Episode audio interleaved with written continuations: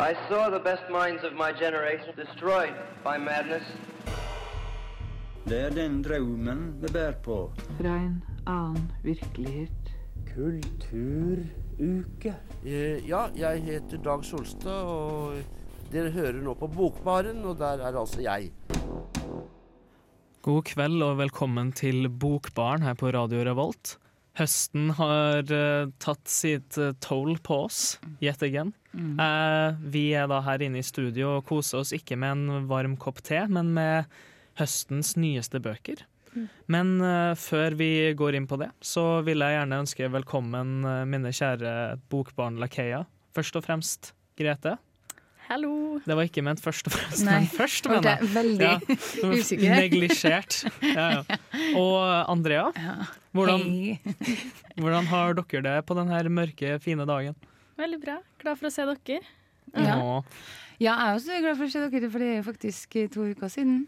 Det er jo det. ja vi, vi hadde ikke sending forrige uke, for Nei, det da tok høsten oss, rett og slett. Ja, og skolen tok meg, i alle fall, så det ble litt for mye, gitt. Ja.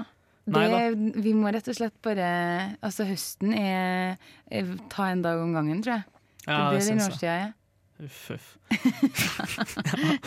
Nei, men uh, før vi kommer inn på de spennende utvalget av uh, høstens nyeste, friskeste utvalg av bøker, så skal vi høre sangen 'Shaun' av Terje Torkelsen her på Radio Revolt. Jeg heter Hans Olav Brenner, og jeg syns at det er et slags eh, minstekrav til et oppegående eh, ungt menneske å høre på Bokbarn.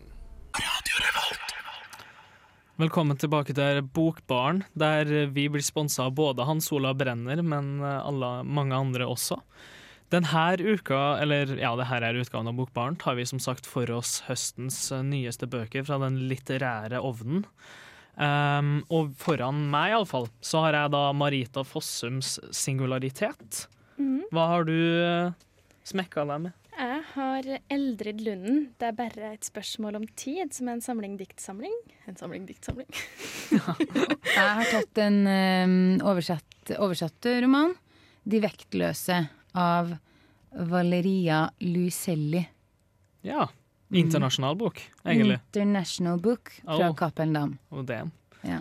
Det er, all- det er med andre ord ikke en kjedelig bokhøst i det hele tatt. Og um, det er det som jeg tenkte å komme inn på litt grann nå. Fordi det her var ikke akkurat førstevalget mitt med bøker.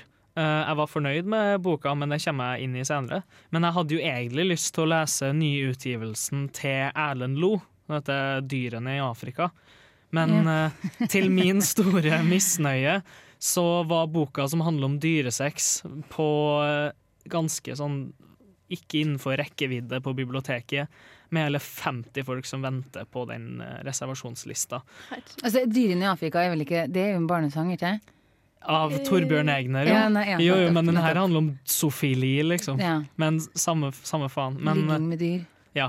Men um, det var da også Steffen Kvernelands uh, nyeste um, grafiske romanmesterverk, tydeligvis, som heter 'En frivillig død', som da ikke har kommet på biblioteket i det hele tatt, og som koster 400 kroner. Så jeg ble litt lei meg denne her høsten på flere ting. Er det noen bøker du har gleda deg til en høsten her, Dag Grete? Jeg fikk også lyst til å lese Steffen Kverneland. Jeg har ikke lest noe tegneserie tidligere. Ikke Munch? Nei, jeg Oh. har ikke det. Så oh, det, fikk, det ble jeg inspirert av deg, faktisk. Takk for det. Vær så god. Eh, men så har jeg også hatt lyst til å lese Hannes, Hanne Ørstavik sin nyeste essaysamling. Eller kanskje eneste, fordi det er jo litt av greia med den boka her at hun har jo ikke publisert noen essaysamlinger tidligere. Nei. Eh, den heter 'Alle bøkene mine låst inn i kjøkkenskap', tror jeg det var. Ja, Mm. Kul tittel. Men den hadde ikke kommet på biblioteket ennå, da. Selvsagt ikke. Altså, jeg har hatt litt sånne lesesperre for tida, faktisk. Så, øh, men jeg leser jo mye pensum. Altså Dante, Don Quijote, Liaden, alt det der har jeg holdt på med, og holder fortsatt på med. Så jeg hadde utgangspunktet tenkt egentlig å lese eh, Anne Helene Guddal sin nye bok, som var den som sto på min liste, og jeg fikk den òg. Og den har fått masse gode kritikker. Men min høsthjerne greide ikke å lese den, fordi det handler om at ting er vanskelig. Og jeg tenker, ja, livet er jo vanskelig når man tenker over det. Men da trenger ikke jeg å ha en bok som også skal få meg til å tenke over det. Så jeg ønska meg egentlig å lese um, alle de andre bøkene som er Som uh, Hui og Haste så vi på uh, nettet nå for tida, som er det du, Truls, kalte for Hva? Å oh, ja, oh, ja, ja, ja, unnskyld. Ja, ja, Ja. dem- det var veldig bra Segway. Ja. Um, Kast den over til deg, Ja, så du takk, få takk, kreditt for eh, den gode Nei da, fordi vi har den tredje utgaven av de fire store innenfor norsk eh, litteratur. Ja. Nå blir det den andre utgaven, da. Uh, og denne gangen de så nye, er det de nye fire store, rett og slett? Ja, nettopp. Uh, og det er da i denne her bokhøsten. Og det er nemlig først og fremst mesterverket av alle sammen. Det er Henrik Ibsen, Per Sandberg og Bahare Letnes sin bok. Fremmede makter har flyttet inn. Ja, med undertittel 'Politisk drap og justismord'. Nettopp. Den har jeg kjenner jeg litt lyst til å lese. Og så har jo Knut Ari Hareide en biografi om hvor Ja. søt og snill han sikkert er. Det som Og- betyr noe. Ja, det som betyr noe. Og uh, Sylvi Listhaug har en bok som selvsagt handler om hvordan andre tider. Ja, Den ja. heter 'Der andre tider. Der andre tider. Og så gullet sjøl, da. Sensitive barn og Märtha Louise. Som har fått strålende kritikk av Dagbladet. Ja, så det er de nye fire store som, som preger bokhøsten, egentlig, vil jeg si, som eh, jeg kjenner jeg trenger å kaste meg over. Egentlig litt for å kjenne at eh, det kunne vært verre med meg. Ja, rett, rett og slett. Uansett, vi skal bevege oss inn i de faktiske høstbøkene vi har valgt, men først skal vi høre en låt. Vi skal høre Møblos med 'Step Away' her på Bokbaren. Velkommen tilbake til eh, Bokbaren. Nå skal vi over til Tiggerstaden, eller Tigerstaden, eh, nemlig Oslo. Med da 'Singularitet' av Marita Fossum gjennom eh, forlaget Oktober. Eh, litt grann om forfatteren. Marita Fossum hun er født i 1965. Og hun debuterte for første gang i 2002 med romanen 'Verden utenfor'. Eh, og hun har vunnet Tanums kvinnestipend i 2005 eh, for romanen 'Forestill deg'. Og hun har også mottatt Brageprisen for 'Kjære gjetergutt' fra 2006. Så Dette er da hennes syvende roman, etter seks år med radiostillhet. eh, pun intended. Uh, uansett. Denne historien er da ganske absurd, vil nå jeg i hvert fall påstå. Den handler om ei eh, kanskje 40-50-åring som heter Gullemor Syvertsen, eller Gulline Syvertsen. Gullemor. Hun, ja, veldig sånn. Det å gjøre seg sjøl mer infantil enn kanskje er nødvendig, men uansett. Uh, hun går da og streifer litt rundt i Oslos gater, lik uh, Hamsuns irriterende vandrere. Um, og da plutselig ser hun en ung mann som ligger halvnaken i en rododendrionbusk. Og grubler litt over først og fremst hvordan i helvete han har havna der. Om han er i live eller ikke. Samt om hun gjorde nok for å da hermetegn redde livet hans, som hun egentlig ikke gjorde. Hun ble bare fascinert av at noe så tilfeldig skjedde hun da. Um, og etter det så bestemmer hun seg for at hun skal sporenstreks bli prostituert. Kanskje ikke et yrkesvalg de fleste ville valgt etter å ha sett noen potensielt være død på åpen gate, Nei. men det får nå være så. Uh, hun har en ganske liten eh, omgangskrets, for å si det mildt. Uh, hun har en far som er ganske gammel og som er syk. Uh, men faren blir passa ganske godt på av ei dame som heter Danita.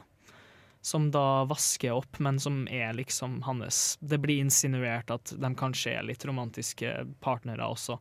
Og det gjør Gullemor jævlig forbanna, fordi ikke bare tar hun faren hennes ifra hun, føler hun, men hun har også en kjempeirriterende dialekt. Um, hun har en eh, bestevenn som heter Abigail, eller den eneste venninna hun har, som hun også lar seg irritere over, fordi Abigail, i motsetning til Gullemor, er tilsynelatende en veldig suksessfull person. Um, og har kjæreste og slike ting. Og Gullemor bruker for det mesteparten av tida si uh, tida til å bare ha eksistensiell synsing. Altså, hun grubler på at endelig, endelig skal hun eh, være på kanten av stupet og faktisk føle seg litt i live, da. Fordi hun klarer aldri å fullføre et eneste prosjekt hun faktisk setter seg inn i. Så når hun først da bestemmer seg for at hun skal bli prostituert, sjøl om det er et yrkesvalg som sagt som medfører litt av hvert av um, Hva kan man si? Kognitiv dissonans. Mm. Så um, må hun gjøre det, fordi hun har uh, mislyktes på alt annet hun har prøvd i livet sitt. Blant annet um, hovedoppgave om Jean-Paul Sartre og sånne ting. Men det Eh. er liksom en plass hun skal forsøke å lykkes på, da. Ja, så Ja. hun kan ikke back down uansett hva det er, fordi hun har allerede mislyktes nok ganger. Um, den, eh, den delen med at hun skal bli prostituert, blir veldig morsomt og litt sånn absurd eh, fremstilt gjennom at hun da eh, henger en plakat i Majorstua, på Majorstua, unnskyld, språknazister, eh, der hvor det står 'sex og samtale kan kjøpes av voksen dame'. Legg merke til 'kan kjøpes av voksen dame'. Det er flere ganger hun Jeg har bare litt lyst. Ja, det er flere ganger hun sier 'nei, jeg er fullbooka', som får folk til å fnyse litt grann når jeg er med på telefonen med henne. Um, og når de da Den samtaledelen er jo da hun som skal ha en filosofisk samtale med de folkene her, etter at de skal ha ikke veldig minnesverdig sex med hun. Så det er ikke sexen det kommer an på, det er samtalen. Ja. Ja. Den menneskelige samtalen som skal da være mer betydningsfull.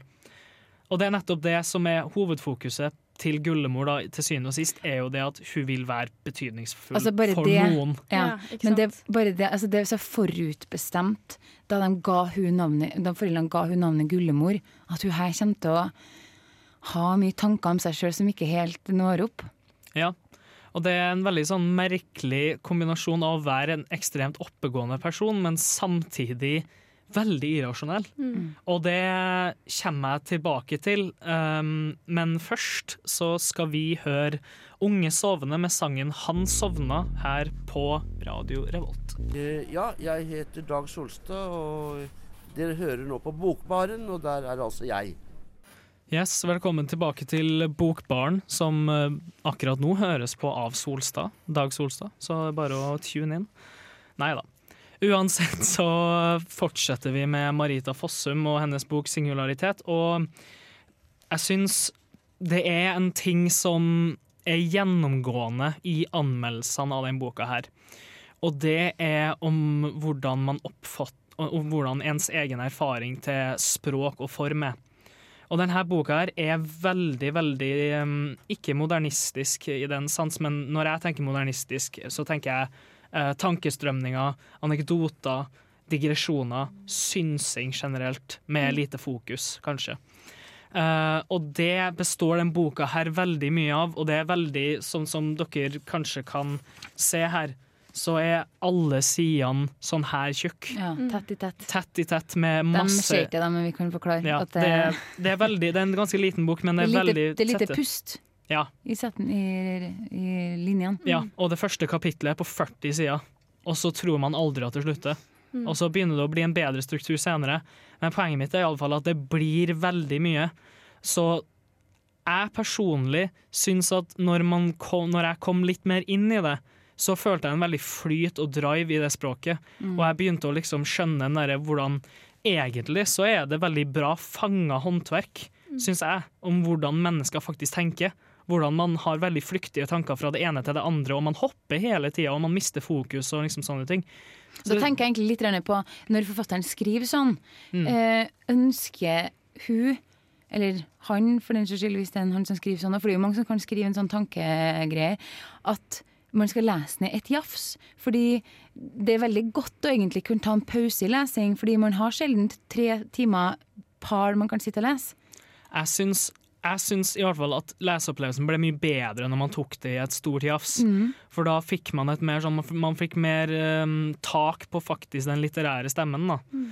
Um, og, men det er jo som sagt det her som skiller, da, fordi det er jo flere anmeldere som sa at det blir veldig mye eksistensiell synsing, og at det ikke har fokus, og det blir veldig sånn Den, uh, den upålitelige forfatteren kommer frem, men det er ikke en veldig sympatisk forfatter, og det blir veldig slitsomt. Rett og slett. Eh, jeg lurte på eh, Føler du ettersom det er snakk om eh, prostitusjon og sånn, føler du at den er litt sånn politisk At den er politisk kritisk. Ja, Um, jeg er veldig glad at du spurte om det, fordi jeg har um, notert meg et lite avsnitt her. Og det her er da etter at uh, hun har blitt ringt opp av sin første kunde, uh, som skal da søke sex fra henne. Og da sier hun da se Han kalte seg Jan, men telefonnummeret tilhørte en Sverre Olaisen som bodde på Kjelsås. Var gift og hadde tre barn. Kona het Charlotte og var tannlege. Han jobbet i Innovasjon Norge. Jeg fant bilder av ham og hele familien på Facebook. Datteren på 16 omtalte han som verdens kuleste pappa. Og det, ja, nettopp, jeg syns Ja. det er en sånn perfekt sånn eksemplifisering av hvordan Fossum eh, vinkler det at det er en sånn enorm fasade mellom det som kanskje er på Facebook, og det som kanskje er han fyren som går forbi her på gata, og det de faktisk er, da. Deres indre jeg. Og det finner man veldig godt igjen i, i den boka her også, og i Gullemor. Men nå skal vi høre Nyresvikt her på Bokbaren med sangen Trøst. Jeg heter Anne B. Ragde og er forfatter. Og når man er forfatter, så hører man selvsagt på Bokbaren så ofte man har anledning. Velkommen tilbake til Bokbarens eh, ferske høstbøkersending. Og nå sender vi stafettpinnen over til eh, en diktsamling, faktisk. Ja. Fiffige greier. Mm. Jeg har da lest eh, Eldrid Lunden. Det er bare et spørsmål om tid. Og for dere som ikke kjenner til Eldrid Lunden, så ble hun regna som en av Norges fremste modernistiske lyrikere. Hun har skrevet bøker som Hard mjuk og Mammy Blue, som kanskje er de mest kjente.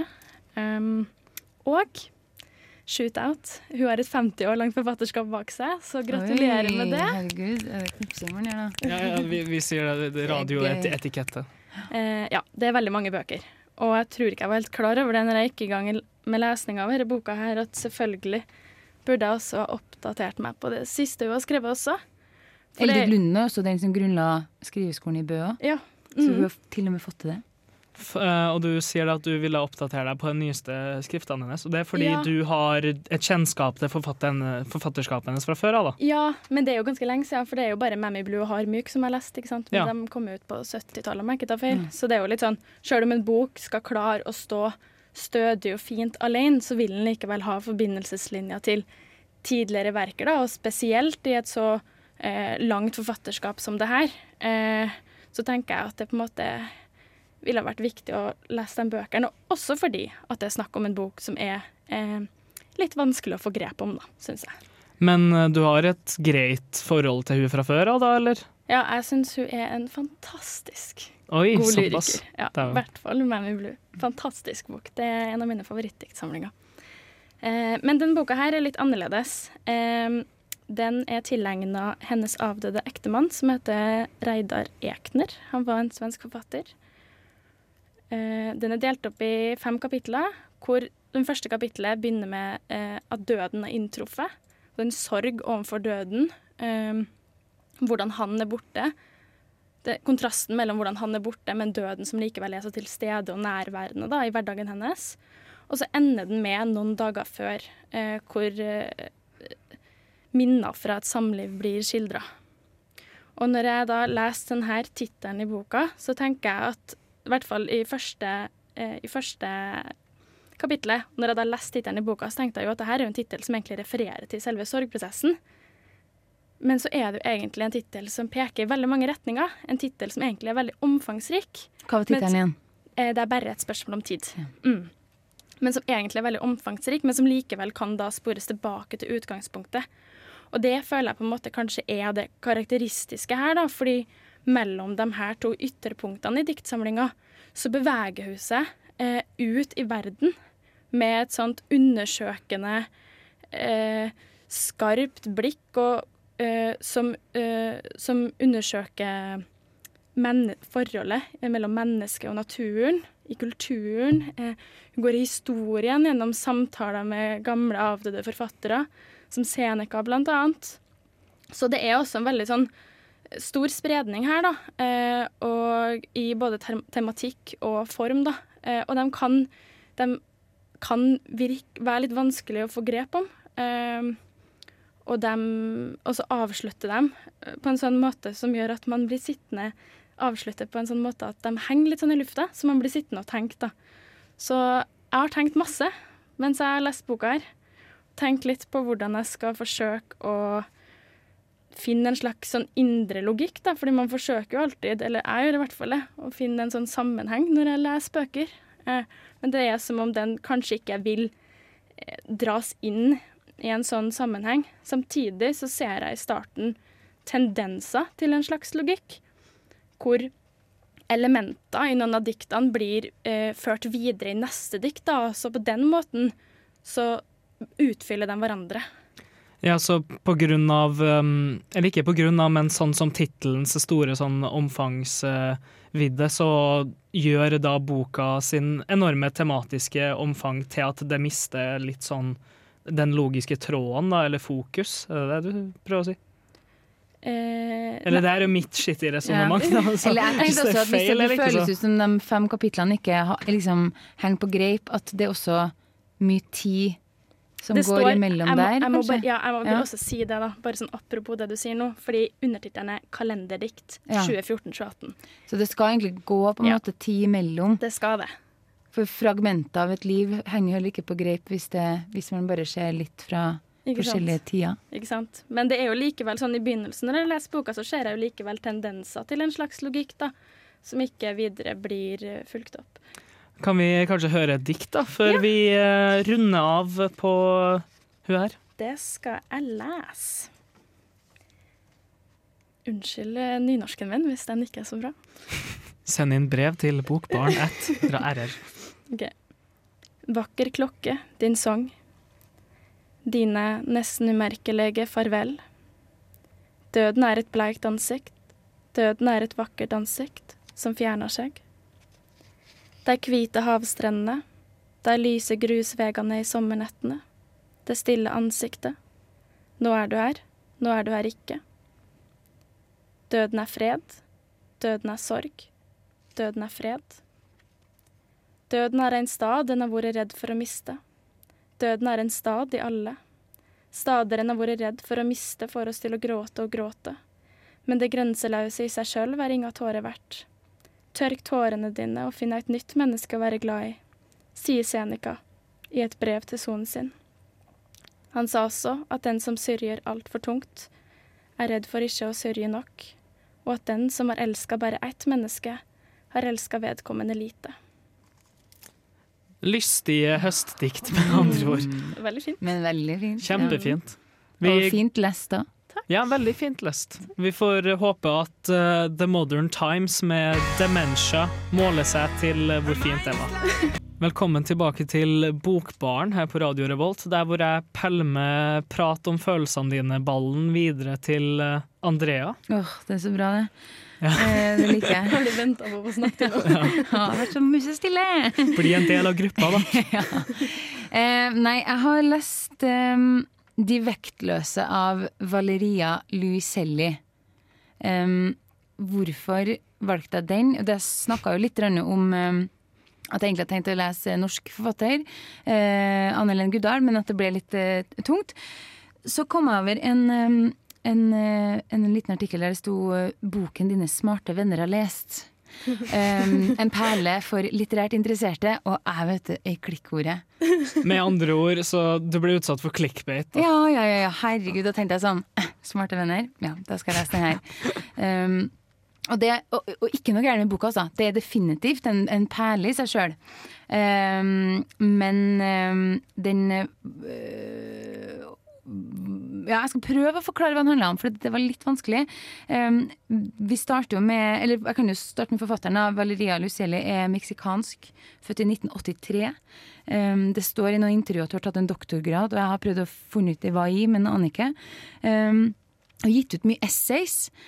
Eh, Blant annet, for hun har også jobba som tolk på grensa mellom Mexico og um, USA. Så hun kommer ut med en essaysamling som heter For Tell Me How It Ends. Hvor hun har da snakka med barn eh, på grensa. Så det, hun er jo en utrolig sånn, politisk eh, aktiv person.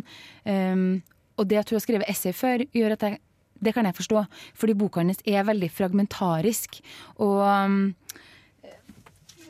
bare begynne med litt her. Eh, Den er veldig sånn fragmentarisk ø, og ukronologisk. Da, vi møter en navnløs jeg-person som skriver om den tida hun jobba i et forlag. Um, da hun oversatte noe dikt av ukjente meksikanske En meksikansk forfatter som het Gilberto Owen, eh, som levde på 20-tallet. Um, samtidig så kommer vi til nåtid, hvor hun skriver om den tida eh, og den boka, med også noen fragmenter av mannen som leser notatene. Og i tillegg så skriver han falsk biografi om en eh, for å få utgitt den boka. Så den stemmen til Owen og hennes stemme, både fra fortid og nåtid, blandes veldig inn. Sånn at når jeg leser ett av de fragmentene, så lurer jeg på om det er den boka hun skriver, om det er den boka hun skrev, eller om det er den boka hun skriver nå. Mm.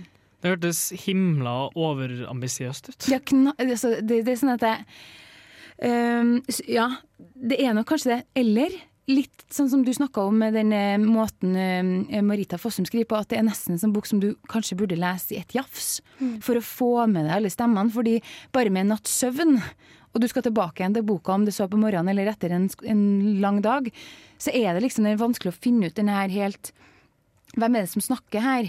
Og det er nok litt poenget hennes også. Fordi hun har snakka Jeg har jo lest mye intervju og sånn med bare for å få en liten sånn hva, hva, hva, er prosjektet hennes? Og hun sier jo at hun skriver om sånn soundscapes og har lyst til å snakke om en stemme som forsvinner. Hvordan man kan forsvinne Altså det, det, er veldig sånn kunstnerisk, da. Oppleves sikkert boka her som, som fin, hadde hatt litt mer konsentrasjon. Um, fordi det er mange fine fragmenter. Jeg fikk lyst til å skrive når jeg leser noe. Og hvis noen som kjenner seg litt inn i det at man leser noe, så har man lyst til å legge bort boka. fordi nå fikk jeg lyst til å skrive om å spise frokost med nytrakta kaffe. Mm. Eh, bare å beskrive hva, skri hva spiser jeg nå, hvordan føles kroppen min, fryser jeg, hva tenker jeg på? Alle de flyktige tankene man har som man har lyst til å skrive ned, fordi hun beskriver det så godt. Så det er en bok som jeg tror kan gi inspirasjon, for at dette korte eh, u, altså det øyeblikkene som ikke har noe eh, interesse av Det er bare beskrivelser. Gjør at man får lyst til å skrive.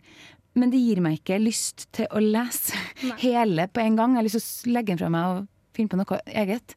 Du nevnte jo at hun skrev essays i utgangspunktet. Mm. Er det en, vil du si at det er bra romanteknisk eh, arbeid, eller håndverk? Det her er jo smakssak, da. Ja. Jeg opplever at den fragmentariske måten hun skriver på, ikke passer for meg. Men jeg ser for meg at hvis det er noen som har god konsentrasjon, så kanskje det fungerer. Ikke sant? Men jeg følte, jeg følte at hun kanskje ble litt over For det var jo liksom den der At hun var litt overhypa. Jeg ser for meg at essayene er bedre. Nesten. Ja. Kanskje. Eh, fordi at det blir litt rotete hva hun prøver på. Samtidig så um, tru, Ja. Ja, det er den derre at det er vanskelig å følge med på om det skal være en historie her med denne Gilberte Owen, hennes eget liv som du i fragmentene altså Det er jo bare korte utdrag av hennes nåværende liv hvor det ser ut som det blir en skilsmisse. Hun tar med sin skilsmisse inn i Owen sin skilsmisse. Eller ble en skilt? ikke sant? Det er veldig vanskelig å skjønne hva boka handler om. er det. Og da tenker jeg mer at, uh, at uh, er det Ja ja, Det virker veldig som en bok som det er ganske mye å forholde seg til. Da. Så kanskje det faktisk hadde gjort noe å lese den litt mer sånn i ett jafs, på en måte, slik at man slipper å dette ut og inn, og, men så har man det enklere å Ja, fordi at, ja, den, sånn siste Det er liksom som jeg sitter med igjen med at uh, problemet mitt her blir at det er vanskelig å følge med på hvem som sier det, og det blir ikke og om det er prosjektet hennes, så funka ikke det for meg. Mm. Var det en litterær perle fra Aschehoug, med andre ord? For meg var det ikke en litterær perle. For meg så ble jeg litt irritert fordi at jeg hadde lyst til å komme til poenget. Jeg, jeg kjenner at akkurat nå så trenger jeg en Fordi lesing også smakssak. Jeg trengte en god historie. Mm. Og her ble det bare masse jeg nødt til å tenke gjennom og finne ut av. Og så fikk jeg lyst til å sitte og lese og skrive sjøl. Da blir det Mummitrollet del to, da. Det blir det. Men for veldig topp at du gir lese- nei, skrivekick, liksom. Så det, det sier jeg takk for. Mm. Vi skal nå høre Misty Coast med Eleven Months her på Bokbaren. Snakes. This is Alan Moore, and you're listening to The Book Bar. Vet du hva jeg tenkte, Truls, når du snakka litt om den uh, boka di? Nei, jeg aner ikke, Andra. Du teller meg. Som jeg beit meg merke i at du, du nevnte noe om at uh, denne hovedpersonen ikke greide å fullføre masteroppgaven sin. Ja. og at hun følte seg mislykka, og at vennene hadde barn og sånn. Det var jo nøyaktig derfor jeg kjente at jeg ikke gidda å lese den Anne Guddal-boka. Og Ikke noe mot boka, for den har fått fantastisk Bare pass på ikke jeg sier noe feil om Anne Lene Guddal. Men er det ikke litt sånn at det er blitt et tema nå om det å ikke mestre livet i en viss alder, og at det har blitt noe som også samfunnet litt At det er så mange som sliter med det? Ja, og det er ganske snodig, syns jeg også, hvordan det skal være en sånn Og særlig hvordan de håndterer det. Mm. Fordi bøker tar ofte opp akkurat det der med 'å, jeg er så så gammel, sett inn år' Ja. i det her. Så i singularitet er hun mest sannsynlig 40-50, um, og hun føler seg jo mislykka. Men um, det fins i alle fall en slags katarsis, syns jeg, i det at det er litt sånn småabsurd, det at hun velger da å uh, endelig vellykkes med noe, med å bli prostituert. Og det at hun faktisk innser til slutt bare det at det å være betydningsfull for noen, er jo egentlig det som var hensikten hele tida, og man kan jo bare leve lykkelig med det. Altså Man trenger ikke all det andre driten, rett og slett. Nei, og så, og så tenker jeg også sånn at Vi mennesker har jo så mange forskjellige ting hva vi opplever sjøl som mestringsfølelse og lykkefølelse for oss sjøl. Så når jeg hører hun som ikke greide å fullføre mastergraden sin, og det gjør hun mislykka, så tenker jeg ja, men faen heller, det er vel ikke så viktig, da. Kan ikke du færre og fiske? Er ikke det deilig? Det at man bruker så mye tid på liksom å finne ut hva andre gjør som ikke du har, som gjør at du blir litt trist. Og jeg kjenner at det er ikke godt for noen å lese sånne bøker på høsten, fordi du lager flere ting som du tror du er opptatt av, som du egentlig ikke er opptatt av, for å få deg litt sånn åh, det har ikke jeg, da må jeg være litt mislykka. Jeg er litt sånn redd for at vi at vi alle sammen går rundt og leter etter hva er det med mitt liv som er mislykka, og hvordan kan jeg fikse det, i stedet for å tenke på alt som er bra. Ja. Og det at det fins alltid noe dårlig ved en ting og noe bra ved en annen Ja. ting. Altså Det som eh, i hvert fall jeg tenker på, er det at hun uh, Gullemor har ikke barn, hun har ikke ektemann, hun har ikke hus. OK, men da kan en annen person si å ja, du har ikke barn som begrenser fritida di og er en konstant plage for deg. er med liksom- bekymra òg, egentlig. ja, med trassalder og hele driten. Og så har du ikke et huslån på mange millioner. Og du har ikke en ektemann som du potensielt kan føle deg lå et ekteskap du kan føle deg låst i. Altså, du, det er jo alle de tingene der som hun savner hvis det er helt perfekt. Ja, Men hvem har et perfekt liv? Altså Nå ble det sånn en uh, liten sånn eh, pep-talk her, men jeg, men jeg opplever at sånne bøker noen gang kan bli Altså For lesing skal jo også være noe som gir deg litt glede, da. Og så kan noen bøker Jeg kjenner i hvert fall at hvis det er en bok som kommer til å finne noen sånne mørke punkter i meg, legg den bort, for livet er for kort til å drive og presse deg gjennom bøker for at du har sagt at du skal lese dem. liksom. Det er så mye annet man er nødt til å gjøre i livet at noen ganger må man bare klappe sammen boka si. Ikke nå. Og med det, den der, der peptalken, så Fuck alle sammen som skriver nihilistisk litteratur. Hilsen Andrea og Bokbarn. Nei da. Nå skal vi høre Maja Vik med 'Hustlebot' her på Bokbaren. Ja, og her på Bokbaren driver vi på med sosiale medier, så det er bra. Snapchat at folk en filter, bare dokumenterer. Herregud. Ja ja, nei, litteratur og Snapchat. Ja. Uansett, eh, vi har da tatt for oss eh, de nyeste bøkene i høst, som vi har da valgt ut. Eh, korte inntrykk. Jeg syns denne her boka var egentlig ganske bra. Grete? Uh, altså, jeg syns Adele Lund skriver helt fantastisk, men jeg tror kanskje ikke at man skal starte med den boka her, da. Og jeg tenker jeg gleder meg til essaysamlinga kommer fra Valeria Luselli. Ja. Vi har vært eh, Bokbaren på Radio Revolt. Tusen takk til tekniker Espen. Og eh, gjerne sjekk ut den nye RR. Nei, R Radio Revolt-appen, som er veldig, veldig fin, og som er veldig snasen. Gjerne sjekk ut den. Og neste uke, da er det halloween. Oh, ja! Og da skal vi ha fiolinene med Jan Erik Jan Tore? Jan Roar. Jan Roar. Jan Roar Leikvoll, faen i helvete. Og vi skal kle oss ut. Det skal vi. Ja. Men nå, ha det for denne gangen Ha på det bra. Bokbaren. Ha det bra. Ha det.